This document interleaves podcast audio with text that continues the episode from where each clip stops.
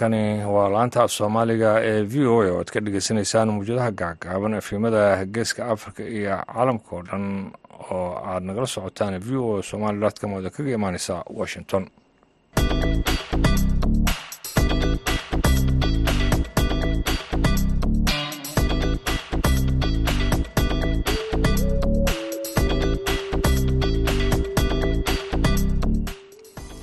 duhur wanaagsan dhegeystayaal dhammaantiinba saacaddu haatan waa kuudii iyo barkii duhurnimo xilliga geeska afrika. Khiyaarta hawada nagala xiriirtaay bisha disembarna waa afar iyo toban sanadka labada kun iyo saddex iyo labaatanka idaacadda duhurnimo ee barnaamijka dhalinyada maanta waxaa idiin soo jeedinaya anigoo ibraahim xasan daandurey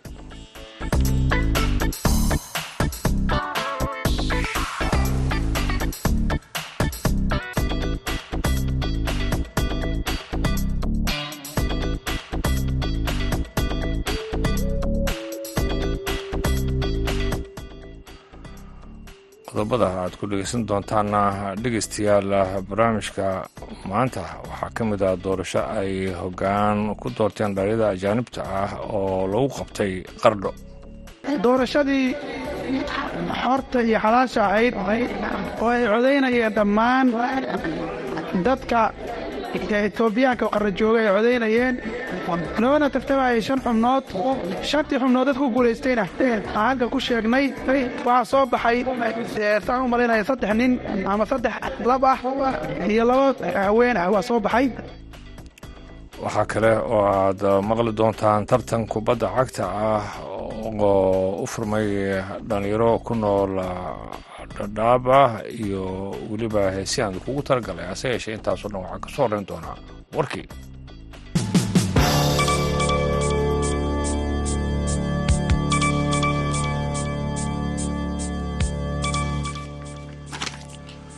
israa'iil waxa ay wacad ku martay inay sii wadi doonto dagaalka khaza ilaa ay ka burburinayso xamaas kadib mid ka mid ah weeraradii ugu dhimashada badnaa ee askarteeda lagu qaado iyadoo ay sii kordhayaan baaqida caalamiga ah ee xabajoojinta. Weerarka gaadmada ah ayaa waxa uu xusuusin cusub u yahay in xamaas ay weli awood u leedahay in ay dagaalato kadib lix toddobaad oo dagaal ba'ani uu socday oo israa'iil ay doonaysay inay ku burburiso awoodda ciidan ee ay leedahay kooxda xamaasa israa'iil ayaa go-doomin guud ku soo rogtay oo dhulka la sintay inta badan waqooyiga khaza iyadoo oo qaaday olole cer dhul iyo badbale iyadoo oo boqolaal kun oo qofna ka saartay guryahoodii gataalo ruushka uu soo tuuray ayaa waxaa lala beegsaday kiev halkaasi oo ay ku dhaawacmeen ugu yaraan konton iyo saddex qof shalay sida saraakiil ay sheegeen iyada oo madaxweynaha ukrein uu taageero military oo dheeraad ah uu ka doonayo yurub kadib markii safar uu ku yimid washington oo aanu helin ballanqaadii cusub. Qaraxyo waaweyn ayaa ruuxay caasimadda ukrein saddexdii aruurnimo iyada oo difaaca cirka ee magaaladaasina la howlgeliyey markii labaad toddobaadkan ciidamada cirka ee ukrein ayaa waxay sheegeen in ruushka uu toban gantaal oo nuuca balistig ah uu u soo riday dhanka magaalada kiev dhammaantoodna ay ka hortageen difaacyada cirka balse burburkooda ku soo dhacay guryo iyo cusbitaal caruureed. Weerarkaasi ayaa waxa uu hoosta ka xariiqayaa khatarta sii socota ee ukrein kaga imaaneysa gantaalada kremlinka ah ee dagaalka kow iyo labaatanka bilood socda ruushka ayaa waxa uu keydinayay gantaaladiisa ridada dheer ee kruiska ee diyaaradahooda duqeymaha culus. Sida lagu sheegay qiimeyn dhowaantan ay samaysay wasaaradda difaaca ee u k. Armeniya iyo azerbaijan ayaa waxaa shalayto ay isdhaafsadeen maxaabiis dagaal iyadoo la raacayo heshiis lagu dhawaaqay toddobaadkii hore kaasi oo sidoo kalena ballan qaadaya in labada dal ay ka shaqayn doonaan heshiis nabadeed midowda yurub ayaa ammaana tallaabadaasi oo ku tilmaamay mid weyn oo loo qaaday dhinaca nabadda ee qalalaasaha gobolka. Saraakiisha labada dal ayaa waxay sheegeen in azerbaijan loo sii daayay laba askari halka waddanka kale ee armeniya isna loo sii daayey soddon iyo labo. Azerbaijan ayaa bishii sebtembar olole military waxay ka fulisay gobolka goosadka ah ee noqorno karabakh warkiina dhegeystayaal waa naga intaas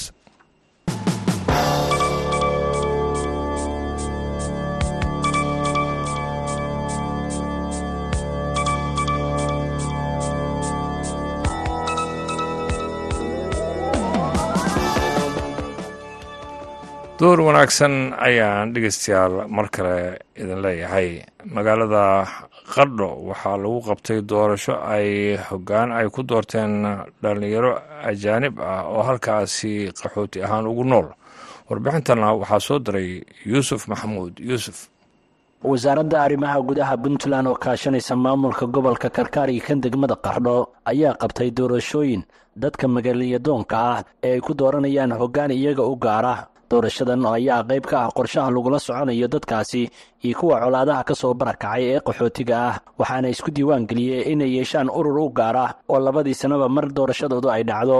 Qorshaha ugu weyn ururkaasi loo sameeyey ayaa ah inay u dhaqdhaqaaqaan arrimaha samafalka iyo shaqo abuur loo sameeyo dhallinyarada qayb ka ah. Docda kale doorasho noocaas oo kale ah waxaa loo qabtay qaxootiga yemeniyiinta ee ku sugan halkaasi waxaana iyaguna ay yeesheen urur u qareema. Duqa magaalada qardho cabdi siciid kaal ayaa faahfaahin ka bixiyey sida ay doorashadan u dhacday. Dadka magaaladoonka ah isagoona sheegay in kuwa la doortay looga baahan yahay inay u qareemaan bulshadaasi si cadaaladi ay ku jidho. Dhammaatay doorashadii xorta iyo xalaasha ahayd oo ay codaynayeen dhammaan dadka etoobiyaanka qarra jooga ay codaynayeen loona tartamayay shan xubnood. Shantii xubnood dadku guulaystayna aan halka ku sheegnay waxaa soo baxay. Saan u malaynaya saddex nin ama saddex lab ah iyo laba haween ah. Waa soo baxay. Taas macnaheedu waxaa weye waa loo dhanyahay cidna kama maqna. Guul baan idin rajaynayaa. Inaa ummaddiina ayna dooratay ina hodaysay si fiican ugu shaqaysaan baan idin rajaynayaa. Waxaan rajaynaya inaa amniga si fiican uga shaqaysaan oo maamulka degmada iyo gobolka iyo taliska booliska eer degmo iyo eer gobolba. Aa si fiican uga shaqaysaan niimaddu waxaa weeye inaad isku xidhan tihiin kiina xanuunsan aa ka warhaysaan kan muxuu ahaaye dhibaataysa aa ka warhaysaan kan soogalootiga oo soo galay markaa xafiisyada ay khusayso sida degmada iyo gobolka ayaa ka diiwaangelisaan. Oo uusan qofku iska noqon qof iska socdo iska soo gala. Sidaas la mid waxaa la rabaa inaad muxuu ahaaye iscaawintaan wixii caawinaadoo laydinku soo aadiyana inaad si fiican oo wanaagsan ay isu gaarsiisaan dadkiinana ha u qareentaan intaasaa idinka rabaa arday walaal yeban ka yimi cusub. Hadduu mid tago saasoo kale soo wargeliyaan. Shaqadaas inay qabtaan baa loogu talagalay. Insha allah waana la shaqayn doonaa. Maamulku waa la shaqayn doonaa. Si fiican buu la shaqayn doonaa. Iyaguna ogaan doonaa. Idinkuna waxaa rabnaa inaad la shaqaysaan qofka haddaad doorataan u codaysaan oo idan shaqayn hadda wuu fashil maaya marka inaad la codaysa u shaqaysaan baa rabnaa. Taliyaha qaybta booliiska gobolka karkaar xuseen cali maxamuud ayaa ducdiisa ugu baaqay inay amniga ka shaqeeyaan dadkaasi. Inaa la doortay iyo anshaxa iyo kala dambaynta uqareemiddu ma aha inaad tiradaan qofka xootiyaa soo kordhaye mid baa raajihii ka go'aye war waxaa laydinka rabaa inaad ka ilaalisaan wax ka soo xun. Waa inaad isku wacyigelisaan waa ina ogtiin. Saldhiga la shaqaysaan degmada la shaqaysaan eergowl la shaqaysaan soo gudbisaan waxa xun. Qofka tegey sida guddoomiyuu sheegay iyo kan soo kordhaba waa in la ogaadaa kii khaldan oo aad og tihiin dadku waa is yaqaanaa iyagaa gaar isu yaqaan si hoosaa isu taqaanin. Kan waxuya naga qabta dheh haqarsannina sababtaa magaciinana waa dilayaa jid xunna waa qaadaya. Gudoomiye ku-xigeenka gobolka karkaar warsame macalin cabdi ayaa dardaaran u jeediyey dhallinyarada loo doortay hoggaanka yemaniyiinta iyo weliba etoobiyaanka ee ku dhaqan magaalada qardho waxa weeye hadda waa inoo dhammaatay natiijadiina waa hesheen waxaa laydinka rabaa inaad guddigaas la shaqaysaan. Inta badan magaalooyinka puntland qaarkood sida magaalada boosaaso iyo weliba magaalada qardho waxaa ku sugan bulshooyin kala duwan kuwaas oo ka soo jeeda dalalka etoobiya iyo weliba yeman waxayna samaysteen urur u gaara kuwaas oo qayb ka noqon doona sidii loogu qareemi lahaa dadkaasi baahiyaha kala duwan qaba. Yuusuf maxamed v o e boosaaso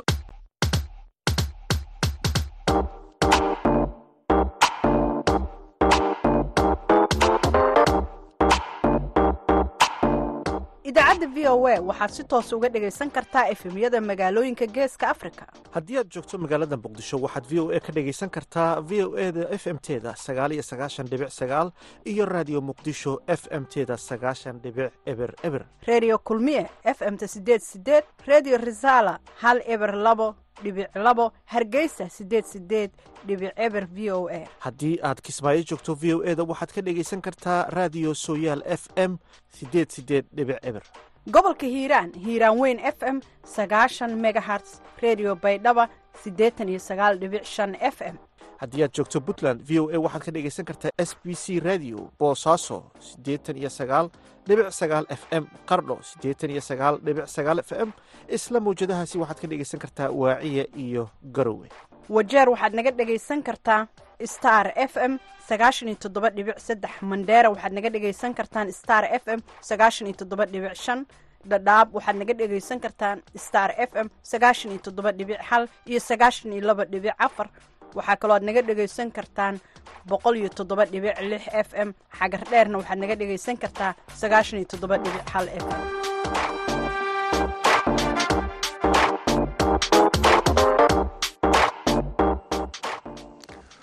Door wanaagsan ayaan dhegeystayaal mar kale idin leeyahay. Haatana waxaad ku soo dhowaataan heesta meeday meeday codkii nuur eebo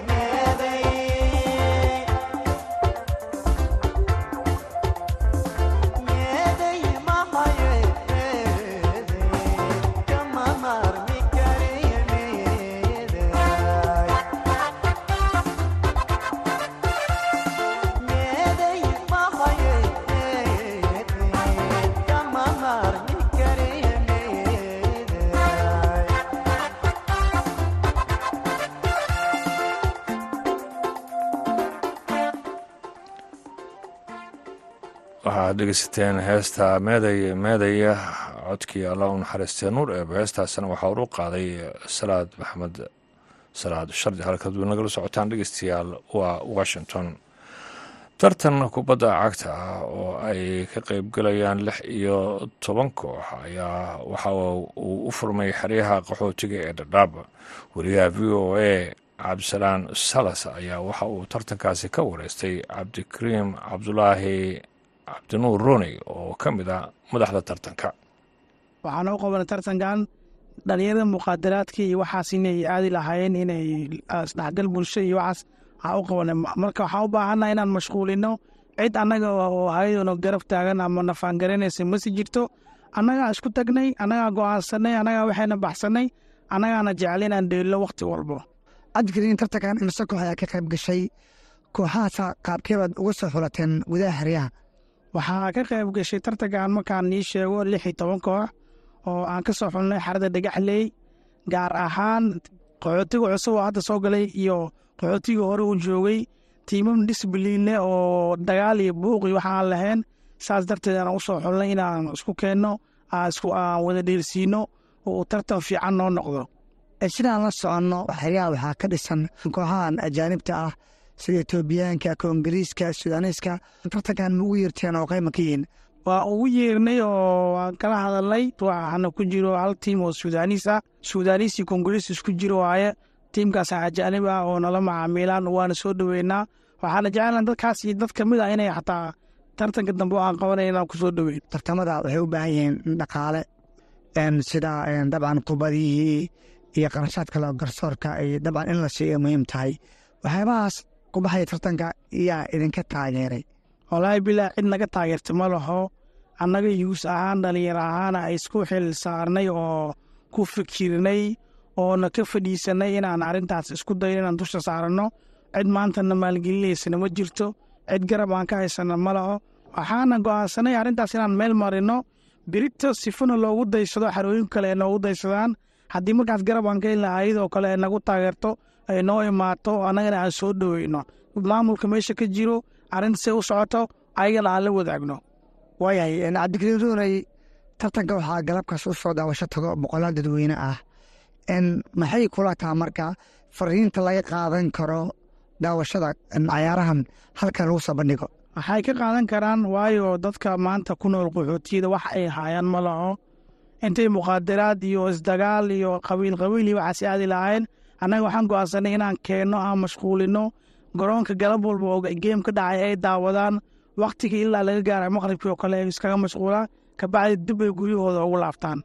Ma jiraan caqabad aad la kulantaan maadaama garsoorkii tababar fiican oo sanhaysan qaladaadka inta cayaarta socoto cayaartooyda ka dhacaysa ay badan tahay. Ma jiraan culeysad kala kulantaan caqabadaha aad la kulantaan qaabkabaad u xalisaan way jiraan caqabado badan way jiraan maadaama markaa maamul ah hayso wax badan oo arkaysaa. Saas ay tahay laakiin waxaa u degan dastuur iyo ruul annaga aan soo go'aaminay. Ruulkaasi uu yahay in lagu wada dhaqmo lix tobanka tiim oo meesha imaanayo waxay ayaga ay qorteen lagu maamulo. Maamulkaas iyo waxay ayaga ay qorteen ninkuu qabtana lagu ganaaxo oo lagu qaado. Hadduu maanta beri meeshaan dhib ka geysto liig dambe uu imaanaa mase bil kale mase laba bil kabacdi uu imaanaa annana waxaa noo qorshaysan dadkii meeshaan oo buuqii wax ka kiciyan mar dambe aan ku casuumanin. Laakiin caqabado way iska jiraan. Caqabadahaas oo badan oo maanta la soo koobi karin. Hal iyo laba haddaan ka taabtan waxaa ka mid ah. Dadka oo isku wanaagsan tihiin oo wada macaamiilaysiin aa saaxiibo tihiin. Soddonka daqiiqa la dheelaayo aa lagugu xumaanaa oo lagu dhahayaa saanaa tahay weji ma lihid. Ninkaana igala safata caada qaataa tahay. Rifriyo marmar loo gacan qaadayo marka waxna waa xalinaa wixii naga weyna de maamul aleyna maamulka hoostageena maamulka waxay soo go'aameen oo anigaan ka mid ah aan ku qaadnaa dadka. Ugu dambeyntii maxay tahay fariinta aad u jeedinayso dhalinyarada qaxootiga ku nool gaar ahaan bahda cayaaraha? Waxaa u soo jeedin lahaa horta sboortiska wax dhib malo waa treenin oo jirku u baahan yahay. Intuu qofkan uu isku abuuri lahaa stress iyo buuq iyo qaad iyo sigaar iyo balod uu aadi lahaa waxaan ku soo jeedinaynaa inay mar walba dheelaan sboortiska ama liig ha ahaado ama frendali ha ahaado ama sabaside ha ahaado. Anoo bahda sboortiska u hadlaayo kaamka dhan u hadlaayo waxaan rajaynayaa mar walba aan ku waxyigelinayaa inay sboortiska ay dheelaan oo ay ka fogaadaan muqaadaraadka daroogada iyo wixii la mid ah. Door wanaagsan ayaa dhegeystayaal marka idinleeyahay halkaad weli nagala socotaana waa washington maamulka koonfur galbeed ee soomaaliya oo wada dadaallo xoogan oo dhanka ammaanka magaalada baydhabo ah ayaa soo saaray awaamir ay ka mid yihiin in magaalada baydhabo xilliyada habeenkii aysan soo geli karin baabuur lana joojiyo socodka bajaajyada magaalada dhexdeeda. Waxaa warbixintan noo soo diray mukhtaar maxamed catuush. Wasiirka amniga dowlad goboleedka koonfur galbeed soomaaliya xasan cabdiqaadir maxamed iyo saraakiisha amniga ayaa habeennimadii xalay waxay kormeer ku tageen baraha koontaroolada ee ku yaalla duleedyada magaalada baydhabo laga soo galo. Waxay ciidamada goobahaasi ku sugan kala hadleen dardargelinta iyo adkeynta amniga magaalada. Kormeerka goobahaasi kadib wasaaradda amniga dowlad goboleedka koonfur galbeed soomaaliya ayaa soo saartay awaamiir lagu xaqiijinayo amniga magaalada baydhabo ee xarunta gobolka baay. Waxaana ka mid ah awaamirta wasaaraddu ay soo saartay in xilliyada habeenkii gaadiidku aysan soo geli karin kanana bixi karin magaalada mootooyinka bajaajta oo dadka shacabka ay isticmaalaan in xilliyada habeenkii aysan socon karin gudaha magaalada iyo gudaha magaalada baydhabo inaan lagu dhex qaadan karin facemaska oo noqday aalad lagu dhuunta sida saraakiisha wasaaradda amniga ay sheegeen. Afhayeenka wasaaradda amniga mustaf macalin isaaq garabey oo aan khadka telefoonka kula xidhiidha ayaa sharaxaya kormeerka baraha koontaroolada ay ku tageen iyo waxyaabaha ay kala soo kulmeen waxaan kormeer oo amni loogu korgalayo amniga magaalada oo hogaaminayo wasiirka amniga oo ku jiro wasiirka warfaafinta taliyaha qeybta booliska gobolka baay taliyaha laanta dembi baarista iyo taliyaha laanta taraafikada ama amniga waddooyinka yaan halay kormeer ku marnay waddooyinka soo gala magaalada iyo rugaha ciidanka booliska ay ku sugan yihiin sida ay howlgalaan ciidanka siday heegan u yihiin oo amniga ay u sugayaan wado kasta oo soo gasho magaalada si qaabka loo fadhiyo iyo in amnigeeda qaabka loo sugayo. Wasiirka aad iyo aad u bogaadiyey ciidanka dadaalka ay wadaan saasoo kale laamaha amniga iyaga naftirkooda waxaa lagu bogaadiyey shaqada ay qabanayaan. Waxaana lagu dhiirigeliyey inay sii foojignaadaan oo dadaal dheeri ay sameeyaan. Khawaariijta muddooyinkan inta daadadkii ay socdeen iyaga naftirkooda aqabada haysatayo magaalada ma soo geli karinoo culeys baa haystay laakiin hadda laga yaabaa inay ka soo dhowmaaleystaanoo wadooyinkii ay soo maraan. Marka in de dhismihii wadooyinkii oo baaba-ay iyo biyihii iyo daadadkii baabi'een dhismahooda uu socdo in wadooyinkaasi dee hataa meelaha qaar ay waxgeliyaan oo dhibaato aqabad oo bulshada dhibaato u keenayso in ay sameynaan laga yaabaa. Marka ciidanka naftirkooda dadaal badan bay hayaan. Mustaf garabey afhayeenka wasaaradda amniga wuxuu kaloo ka hadlay awaamirta wasaaradda amniga ay soo saartay laamihii amniga oo uu hogaaminayo wasiirka amniga waxay soo saareen shan qodob oo ah magaalada baydhabo in habeenkii markii ay qoraxda dhacdo labayo tobanka saac wixii ka dambeeyo baabuur soo geli karin aan ka bixi karin wadooyinkeeda dhammaanteeda. Saasoo kale waxay soo saareen in la xiran karin facemask wax la yiraahdo ama dee weji xirka oo niqaabka awalba mamnuucu ka ahaa. Laakiin waxaa bilowday in facemaskii loo isticmaalo qaab niqaab amal loo isticmaalo. De taasna dee waaba la mamnuucay. Facemaska keliya waxaa la isticmaali karaa goobaha caafimaadka iyo goobihii loogu talagalay. Laguma mari karo magaalada gudaheeda lamana isticmaali karo. Saasoo kale gawaarida bajaajyada laha oo magaalada lagu isticmaalo oo in hal saac habeennimo wixii ka dambeeyay aanan socon karin oo de haddii la arkana dee tallaabo sharciga lagu qaadi doono.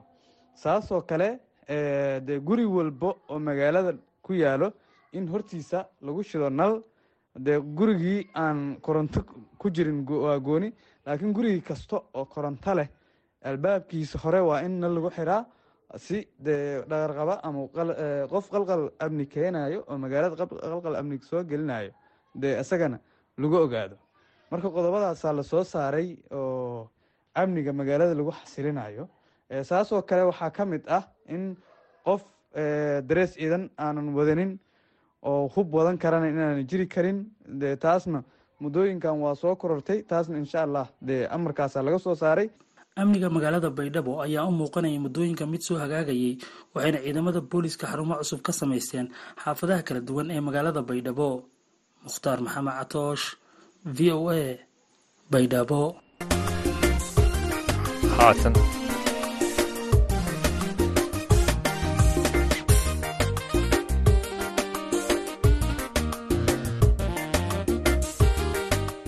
dhankii muusiga ayaan jaleecaynaa sidaaba aad ka garateen muusigaasi. Waxaan idin soo qabanayaa heesta halkudhigeedu yahay hayga aarsan. Waxaa qaadaysa cadday cali axmed